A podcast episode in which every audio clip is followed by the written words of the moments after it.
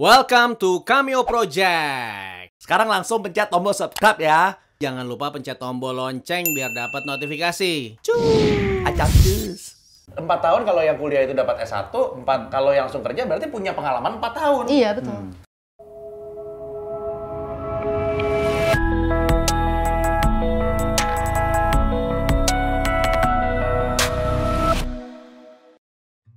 Yo, Yo! Balik lagi di POV Cameo Project. Dan kali ini saya termasuk yang jarang, jadi saya nggak tahu dihitung sebagai... em, Bapak hostnya Pak. Oh iya, saya hostnya ya. ya. Kita juga ada narasumber yang satu ini. Wih, Yeay. Siapa Samara. yang tidak kenal Samara Geraldine? Akhirnya kita diundang. Kok Samara Ger? Sekarang kita mau ngomongin sesuatu yang penting banget sebenarnya. Kata kuncinya adalah didik. Kata panjangnya adalah pendidikan, iya kan? Oh, iya. Pendidikan nasional. So, eh, bagaimana cara kita memandang pendidikan nasional yang sedang terjadi di Indonesia? Salah satu sumber yang kita jadikan acuan adalah urutan ranking negara em, berdasarkan sebuah eh, assessment yang dilakukan oleh PISA namanya. PISA ini adalah program for International Student Assessment yang mengadakan itu Organization for Economic Cooperation and Development. OECD. Mereka melakukan survei di 70 negara dan 540 ribu murid disurvei berdasarkan tiga kriteria, yaitu matematika, membaca, dan sains. Indonesia berada di ranking 62. Memang ada peningkatan dari survei sebelumnya. But wait, ini adalah survei tahun 2015. Dan Oke. dia melakukan survei tiga tahun sekali. Kenapa kita tidak bisa menggunakan data yang sekarang? Ya, 2018 gitu Yang misalnya. 2018 baru keluar 2019. Itu pun Desember. Karena mereka benar-benar hati-hati dengan hasil. Oke, oke, oke. Gitu. Tapi ya ini pertanyaannya. Kalau kita di ranking seperti itu, is it pertanda ini sebuah kemunduran? Atau ada yang sebuah, seharusnya yang dibenahi dalam pendidikan kita atau tidak? Mereka uh, mengukurnya itu eh, bukan dari tingkat intelektual, tapi bagaimana anak-anak ini bisa menggunakan apa yang mereka belajar itu untuk menghadapi tantangan di masa depan. Ah, Iya betul. Apakah Gitu. itu yang terjadi di Indonesia atau tidak? Itu pertanyaan lagi kan. Kalau misalnya kita bandingin mungkin dengan siswa-siswa di negara-negara lain, memang pendidikan kita juga nggak menekankan pada critical thinking karena membaca itu kan bukan hanya soal kita baca banyak buku, tapi Iya, iya. memahami bacaan itu, terus Betul, kemudian berpikir secara kritis berdasarkan bacaan itu juga hal yang penting dan kita bisa lihat lah kita itu kan sekolah bener-bener dilatih untuk menghafal sebenarnya, bukan memahami konteks. Benar. Kayak misalnya nih kita belajar sejarah gitu kan. Kita diajarkan peristiwa Rengas Dengklok tahun berapa, kemerdekaan tahun berapa, Iya. atau misalnya siapa bapak proklamator kita Iya. dan sebagainya. Iya. Tapi kita nggak diajarkan bahwa dalam misalnya proses merumuskan dasar negara ada perdebatan antar para tokoh bangsa Iya. dan lain sebagainya itu nggak diajarkan. betul. Jadi itu nggak mengasah critical thinking kita ya kan? Di Kompasiana pernah tertulis bahwa eh, pendidikan kita itu cenderung membuat manusia robotik gitu ya. Maksudnya karena terlalu kaku, harus menghafal. Masih banyak guru yang benar-benar jawaban itu harus sesuai seperti itu. Ada disintegrasi antara cara belajar yang afeksi dan kognitif. Jadi itu yang membuat sistem pendidikan kita suka dipertanyakan. Berarti kita tarik dulu dari yang tadi kita bahas Iya. sebagai pancingan di awal bahwa fakta tersebut tidak relevan karena di Indonesia sendiri masalah pendidikan sudah ada Iya. dari Betul, dulu. dari dulu. Pertanyaannya sekarang gini, kalau itu tidak menjadi satu relevan ya, relevansi untuk mengukur kemajuan tingkat pendidikan nasional gitu, em, apa yang harus kita jadikan acuan sebenarnya untuk pendidikan nasional kita gitu loh. Seharusnya kan kita berpikir bahwa mata pelajaran itu seharusnya lebih mengkerucut di mana menggunakan eh, sebuah sistem pengajaran yang memberdayakan kegunaan seorang individu. Iya. menemukan kalau emang dia atlet ya kita mengarahkan lebih banyak belajar atletnya. Dia seniman kita mengarahkan lebih banyak menjadi senimannya. Orang tua nggak mau kadang-kadang ya kan? Emang harus 12 tahun belajar. Itu dari mana peraturannya? Undang-undangnya aja nggak ada di Indonesia. Iya. tapi kita mengadopsi. Iya, iya, juga ya. nah kita ya. mengadopsi yang umum. Dan Iya. kita kan goalnya adalah masuk kuliah. Hmm. Masuk kuliah minimal harus ada ijazah SMA. Jadi itulah. Sebenarnya juga ada satu eh, salah satu persoalan lagi tuh kalau misalnya soal SMA dan kuliah itu. Karena rata-rata biasanya banyak dari mereka tuh yang pengen kerja praktis langsung pasca lulus SMA atau misalnya lulus SMK. Tapi mereka berpikir bahwa mereka tuh pasti akan dipandang sebelah mata kalau mereka nggak punya ijazah sarjana. Nah. Jadi biasanya anak-anak lulusan SMK ini tetap masih berupaya untuk masuk ke eh, kampus gitu. Padahal sebenarnya yang harus dibenahi dari pola pikir kita semua juga Iya. sih sebenarnya adalah kalau anak masuk ke SMK itu dia dipersiapkan untuk bekerja karena SMK tuh sebenarnya lebih melatih kita ke hal-hal yang praktis kan. Betul. Yang kalau masuk kuliah ya beda lagi jenjang karirnya gitu. Iya. Jadi itu masalah mindset kita juga sih yang sampai sekarang masih Iya. salah tuh soal Betul. SMK dan kuliah. Benar. Betul betul. Misalkan sekolah SM, setelah kelar SMK dia langsung kerja misalkan. Lalu ada juga yang langsung eh, yang masuk kuliah. Dia berarti kan empat tahun itu resultnya berbeda. Empat tahun kalau yang kuliah itu dapat S1, empat kalau yang langsung kerja berarti punya pengalaman empat tahun. Iya betul. Dan itu Sedang- sama-sama bagus Iya, kan. sama bagus. Gitu kalau misalkan ditanya, kalau sekarang nih, misalnya cameo, kita lebih mementingkan lu punya pengalaman apa, skill lu apa, Iya. dibandingin sama lu IP lu berapa. Iya. Kita nggak pernah lihat IP. Iya, dan kayaknya dunia juga udah mulai bergerak ke arah situ sih. Misalnya kayak Australia. Australia itu sangat eh, memberdayakan SMK-SMK mereka. Ya kalau misalnya memang mau kerjanya di bidang-bidang yang praktis gitu, udah masuk aja SMK. Nggak usah lagi kita eh, banyak eh, kantor-kantor juga yang saya nggak butuh mereka kamu untuk punya keahlian S1, kamu cukup lulusan SMK, kamu bagus ya udah kamu kita rekrut. Tapi di sini masih ada mindset bahwa pokoknya yang layak kerja, yang kita anggap bagus, yang kita anggap qualified itu yang punya S1. Kalau misalnya mindsetnya masih sama di seluruh negeri ini bahwa melihat sebuah kualitas dari pekerja adalah dari CV akademis mereka, eh, IP apa segala macam, kita akan kehilangan ke- kesempatan yang lain yaitu menemukan berlian di tengah-tengah eh, orang-orang gitu yang ya. mungkin karena keterbatasannya dia ternyata secara akademis em, apa namanya tidak Iya. memberikan result yang menyenangkan. Karena yang tidak bisa diukur oleh perusahaan adalah misalnya kejujuran, you know, ke eh, Kerajinan. komitmen Iya, yang kayak betul. gitu kayak gitu. Itu tidak bisa diwakilkan oleh IP. Iya, betul, Right? betul, betul, Betul. betul. Nah, mungkin sosial media maka mereka sekarang sudah mulai mengkorek-korek kan kalau beberapa teman-teman di um, Human Resources Department mereka akan bukan cuma minta CV, mereka minta "Ah, alamat Instagramnya apa ya biasanya. Nah, tapi pertanyaannya sekarang gini, yang yang lagi viral deh kita bahas, zonasi. Yang saya tahu zonasi ini salah satu tujuannya adalah untuk menghilangkan persaingan antar sekolah. Oke, tidak ada lagi yang uh, antara negeri dan swasta, sekolah favorit dan non favorit seperti itu. Tapi apakah betul seperti ini sistem yang harus diterapkan untuk menghilangkan favorit dan non favorit? Apakah bukan seharusnya pemerintah bisa mem- membuat sebuah program menganalisa lebih dalam? Ternyata bukan masalah murid-murid pinter sekolah di mana, tetapi sekolah yang seragam kapabilitas guru yang sama pinternya yang yang yang seharusnya menjadi eh, apa namanya prioritas. Ya. Sebenarnya salah satu yang menurut aku agak logis dari eh, orang-orang tua tentang ini adalah persoalannya yang dilakukan ini kan memberlakukan zonasi. Memberlakukan zonasinya itu langsung gitu. Jadi harusnya ada sosialisasi dulu. Itu juga termasuk Ini kemarin salah satu ada persoalan, kelemahan kan? Iya, juga diakui jadi- bahwa sosialisasinya kurang sonasi Apalagi itu. pasti nih kalau gini, karena kita selama ini punya eh, persepsi tentang sekolah favorit dan sekolah non favorit ini kan. Ini Iya. persepsi yang berlaku di masyarakat.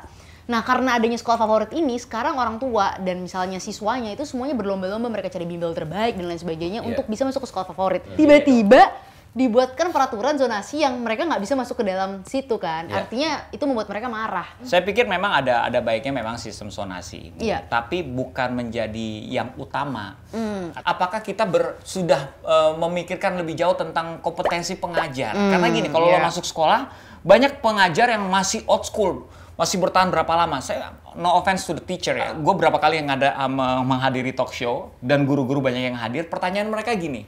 Bagaimana ca- caranya mengajar anak-anak sekarang ya? Karena daya fokus mereka itu cuma sebentar. Apalagi anak milenial.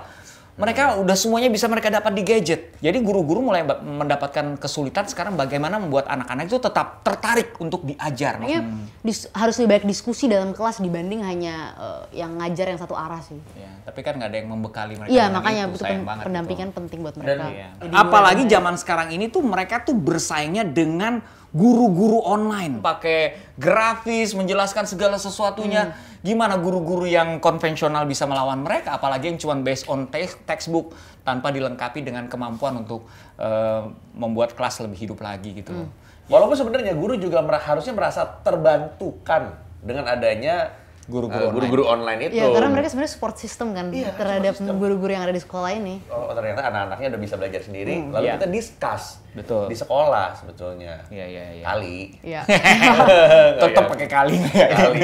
Ya, Apalagi yang mau kita bahas nih? Ya soal penilaian sebetulnya salah satunya penting banget. Iya. Maksudnya eh, cara cara menilai seorang anak ini sudah cukup belajar dan akhirnya Iya. bisa lulus. Iya. Nah itu kan sempat jadi perdebatan juga. Iya. Standarisasi kayak UN tuh oke kayak sekarang misalnya karena dia udah nggak jadi syarat kelulusan sebenarnya oke. Cuma Nah. yang sedih tuh kadang-kadang masih banyak anak-anak yang masih berupaya supaya pokoknya pengen nilai UN-nya bagus, pengen nilainya UN-nya Iya, bagus segala macam. Karena aku sih sangat tidak setuju kalau kecerdasan anak atau kepintaran anak tuh distandarisasi oleh eh, satu metode gitu. Iya. Karena yang namanya Betul. kepintaran, kecerdasan itu bisa bisa hadir dalam berbagai bentuk gitu kan. Betul. Kalau standarnya misalnya hanya satu, itu berat karena Hmm. bisa jadi misalnya dia oke dia bukan orang yang misalnya jago matematika, tapi dia misalnya pintar dalam ilmu sosial, Iya. bukan berarti dia nggak pintar, hanya saja kepintaran dia tuh di sektor yang beda. Guru kan hanya melihat dari angka saja, Iya. karena itu yang paling mudah. Ingat itu yang paling mudah. Kita biasanya zaman dulu sekolah ulangan tiap minggu atau ulangan Iya. tiap berapa bulan sekali gitu yang misalnya terkait satu materi gitu kan. Diulangin terus. Kalau misalnya kalau buat aku sih kenapa Iya. nggak mereka diajak bikin paper aja? Iya. Nggak ada masalah mereka kita kan disuruh ngafal terus habis itu suruh ulangan. Iya. Biarin aja mereka riset sendiri. Yang penting itu kan bukan dari hafalan mereka, yang penting tuh bagaimana mereka mereka analisa menganalisa, iya. dari apa yang sudah diajarkan oleh guru. Betul. Nah, kita sekarang terakhir nih ya, mau kita mau bahas satu yang nggak kalah pentingnya Iya. sebetulnya, yaitu mutu pen- pengajar atau dosen Pendidikan tinggi. pendidikan tinggi. Iya. Gitu. Nah, mencoba tenaga asing menjadi seorang eh, rektor di perguruan tinggi di Indonesia. Ya, dan dan juga kayak dosen-dosen dan Iya, dan termasuk ya. dosen-dosennya. Kalau saya termasuk orang yang melihat eh, ini lebih banyak eh, positifnya daripada kekhawatirannya. Kalau lu misalnya mau belajar main basket, coach kita udah bagus banget. Tapi tiba-tiba didatangkan coach dari NBA gitu. Hmm. Ya gue dengan senang hati, wah ini pelatih Ya. NBA profesional, oh, everybody knows mereka liga yang lebih level up lagi daripada yang kita tahu di secara nasional. Sama halnya dengan pendidikan. Kalau kita bisa melihat ada sesuatu yang bisa menjadi satu inspirasi, siapa tahu itu menularkan juga buat memacu semangat para pengajar lainnya, you Iya. know?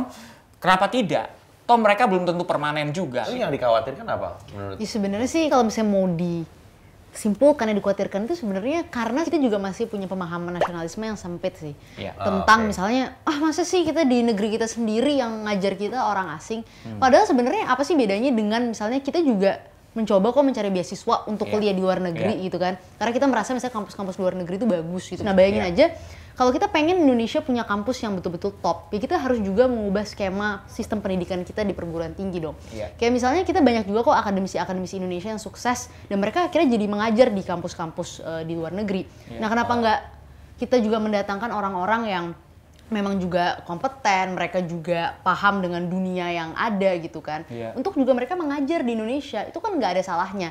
Dan bahkan menurut aku bagus juga. Kenapa? Karena ini juga akan meningkatkan daya saing para dosen. Kita juga bisa Iya. belajar dari mereka. Yang dapat untung siapa sih? Mahasiswa Indonesia. Orang-orang. Indonesia untung. Jadi nggak ada ruginya sama sekali dengan mendatangkan tenaga kerja asing dalam hal di sini pendidik asing ya untuk ngajarin kita hal-hal yang baru. Ruginya cuma, cuma, cuma. Menurut aku kalau kita pengen datengin mereka, kita juga harus sadar gitu. Misalnya harus realistis nih. Hmm. Sistem akademi kita juga harus diubah. Kita itu kan tahu ya bahwa dosen-dosen kita itu banyak yang eh, ditekankan lebih ke mengajar, Iya. which is penting banget dan harus dilakukan gitu kan. Tapi Tapi karena fokusnya itu lebih banyak mengajar dan mereka tidak bisa melakukan keluasaan eh, untuk melakukan penelitian, Iya. akhirnya mereka nggak punya eh, riset-riset baru gitu kan. Iya. Karena mereka karena kan kita tahu dong penelitian itu nggak cuma ada di Jakarta, kita nggak bisa meneliti sambil ngajar. Iya. Kalau mereka mau menelitinya di Papua gimana? Penelitian mereka bisa setahun dua tahun, tapi kan mereka akan kembali dengan hasil riset yang bagus yang bisa diajarkan. Jadi kampusnya bukan hanya sebagai pusat pengajaran mahasiswa, tapi, Tapi juga, juga- pusat akademi, pusat Exactly, riset. betul. Betul. Dan itu memang kalau dibutuhkan pemikiran yang jauh ke depan, nggak cuma hidup untuk saat ini aja. Hmm. Betul Kenapa? banget. Karena Iya. kalau kalau misalkan dosen-dosen atau rektor itu nggak riset, pada akhirnya jadi tidak relevan. Hmm. Iya. Lima tahun dari titik ini, dia tuh udah nggak relevan lagi. Iya, Karena dia mengajar ya itu itu aja, kayak Iya. gitu loh. Kalau menurut gua salah satu yang bisa dikas, eh, bisa ditambahkan, sesuatu Hmm. yang positif bisa ditambahkan adalah perspektif.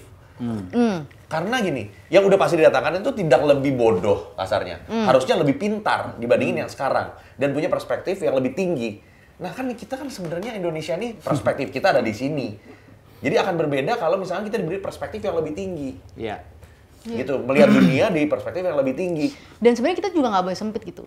Dosen-dosen kita ya bukan harusnya nggak terbatas penelitiannya nggak hanya terbatas tentang Indonesia. Dia bisa kok eh, ngambil penelitian di misalnya tentang Amerika tapi dipresentasikan di Indonesia. Jadi kita juga punya apa ya studi komparatif yang bagus gitu da- dari hasil riset-riset dosen-dosen kita yang meneliti. Betul. Jadi memang em, mesti kita hilangkan. Kadang-kadang kan kita sedikit primordial ya, Iya. mengakui secara wah nasionalisme kita harus dijaga. You know, jangan sampai kita kalau kita mampu mengajar bangsa sendiri ya kenapa tidak pakai tenaga sendiri. Padahal gitu. belajar juga nggak ada salahnya. Belajar tuh masalah ya. tidak ada salahnya. Orang yang terlalu fanatik atau terlalu primordial akan menutup dirinya dari kemungkinan yang untuk lebih yang lebih besar Iya, lagi untuk betul maju banget. gitu loh. Kalau gue mungkin dari dari sisi yang pengajarnya kali. Pengajar itu tidak bisa menjalankan yang jadi tanggung jawabnya kalau dia sendiri berhenti untuk belajar. Iya. Jadi jangan jangan berhenti belajar. Walaupun kita mengajarnya pelajaran A, tapi belajar perspektif yang lain. Jadi kenapa program ini ada juga? Gua ng- bukan yang expert di bidang pendidikan, bukan expert di bidang mungkin kesehatan, tapi dengan adanya program ini kita bisa lihat per- perspektif yang berbeda, point of view yang berbeda gitu. Jadi selalu punya pandangan yang selalu ingin mau belajar walaupun itu bukan bidang lu. Dan seorang anak itu pasti akan berubah terus. Jadi kita Iya. harus lebih jeli gitu melihat uh, siapa yang kita ajar, kita berbicara dengan siapa supaya lebih relevan dan akhirnya lebih maksimal apa yang kita lakukan. Iya. Kalau enggak tiga tahun lagi akan nggak nggak akan kepake lagi. Jangan gitu dong. loh.